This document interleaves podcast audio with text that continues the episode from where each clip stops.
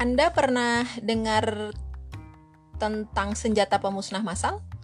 Nah, senjata ini adalah senjata yang paling ditakuti oleh umat manusia di seantero jagat.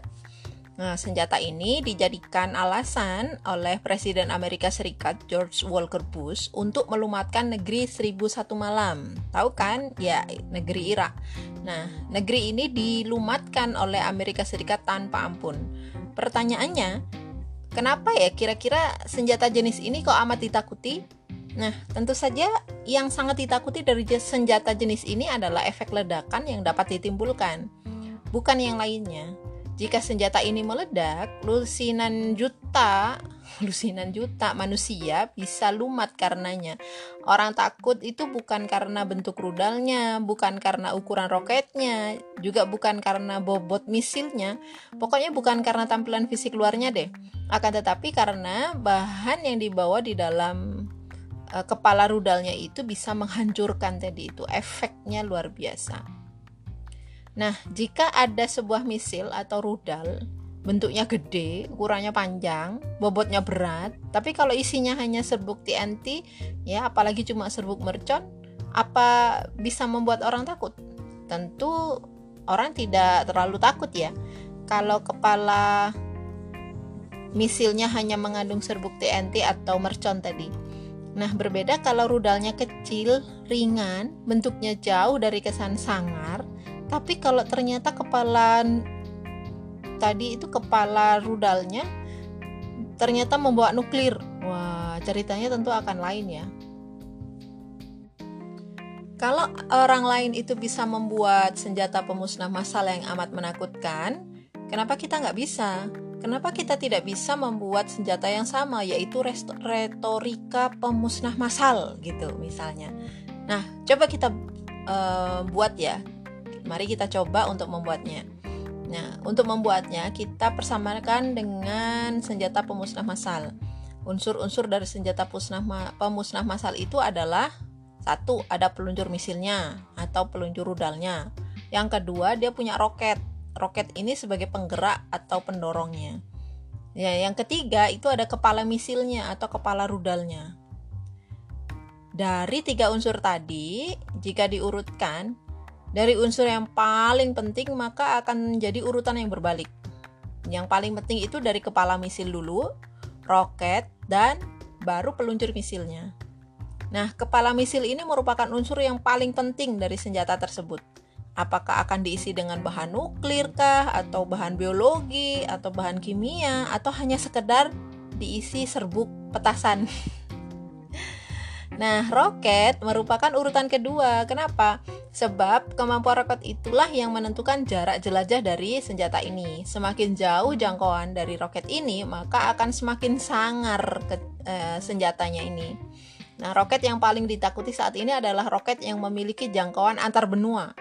Namun ada juga sih roket yang jangkauannya hanya 30 km, 50 km, 100 km, atau bahkan 1000 km dan seterusnya.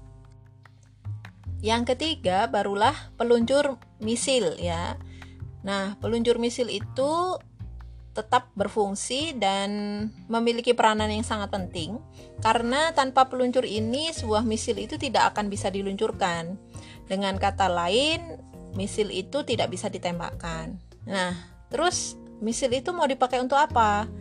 Ya, tidak hanya itu, Peluncur ini juga penting untuk menentukan ke arah mana senjata itu akan ditembakkan. Apakah ke arah Amerika, Rusia, Inggris, Israel, utara, selatan, barat, timur. Nah, ini baru kemudian dipilih oleh peluncur misil ini. Nah, peluncur misil itu yang seperti apa sih? Orang Jawa bilang itu ya jagrak ya. Jagrak atau cagaknya itu. Nah, bahasa Indonesianya apa ya? Alat penopang ya, semacam alat penopang untuk tempat meluncurkan misilnya tadi. Jadi dia adalah alat penopang untuk meluncurkan rudalnya itu loh ya. Jadi susah amat ya membahasakannya. amat aja nggak pernah susah kok. Oke, jadi itu peluncur misilnya. Nah, lalu eh, model urutan yang kedua ini yang akan lebih sesuai ya, lebih pas untuk dianalogikan dengan ilmu retorika kita yang akan kita pelajari di buku Ilmu Retorika untuk Mengguncang Dunia ini. Nah, jadi ini ilmunya ini disebut dengan ilmu retorika pemusnah masal. Nah, dahsyat. Ya, dalam ilmu retorika ini kita akan menyusun tiga unsur tadi itu menjadi uh, kita modifikasi. Ya, kita modifikasi menjadi ada tiga unsur. Yang pertama adalah kekuatan ide. Kekuatan ide ini merupakan unsur yang berupa semacam kepala misil jadi kepala misi ingat ya tadi ya, isinya tentang apa? Apakah diisi bubuk TNT ataukah diisi nuklir? Nah, idenya ini juga begitu nanti. Kemudian yang kedua itu adalah tentang retorika penyampaiannya. Nah, retorika penyampaian ini sebagai unsur dari roket itu sendiri. Jadi dia uh, ini ya badannya, badannya si roket itu atau si rudal itu.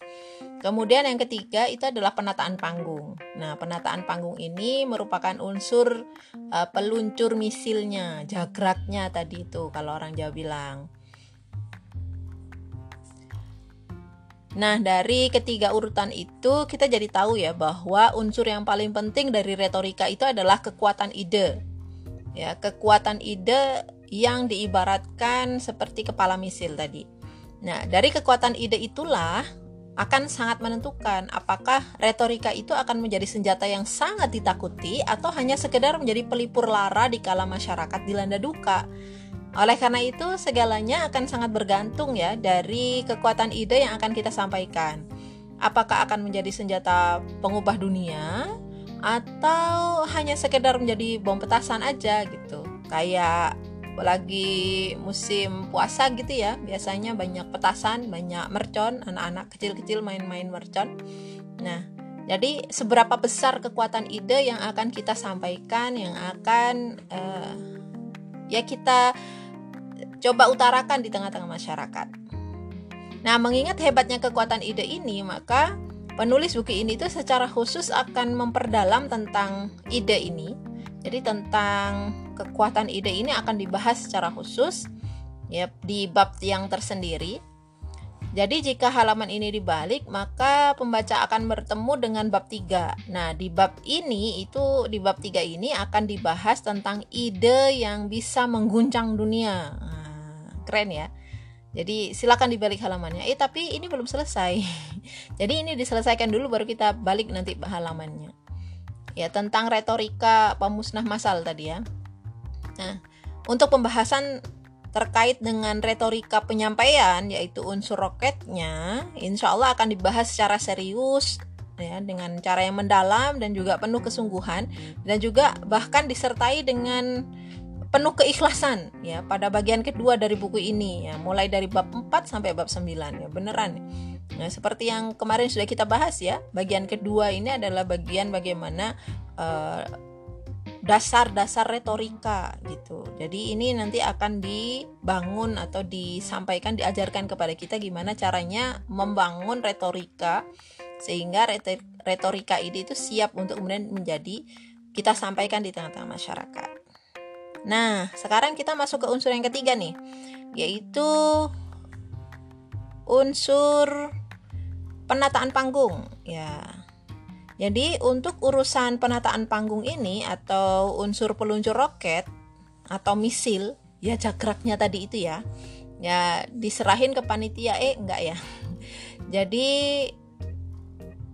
di buku ini juga akan dibahas ya. Tapi nanti akan masuk di bab 8 ya. Bukan buku yang lain ya di bab 8 di buku ini sekarang kita akan mencoba untuk belajar ya tentang bagaimana membangun kekuatan ide, membangun retorika penyampaian dan juga penataan panggungnya. Nah, tibalah sekarang kita akan mulai membaca atau mulai belajar tentang bagaimana membangun kekuatan ide sebagai kepala misil tadi. Mudah-mudahan dari sini kita bisa menyampaikan ide yang bisa menjadi pemusnah massal. Terima kasih masih setia di sini bersama saya di Nur Khotimah Umuzaki Abdurrahman di Rumah Inspirasi. Kenapa masih setia di sini? Karena motivasi dan inspirasi senantiasa ada di sini. Kita jumpa lagi besok. Wassalamualaikum warahmatullahi wabarakatuh.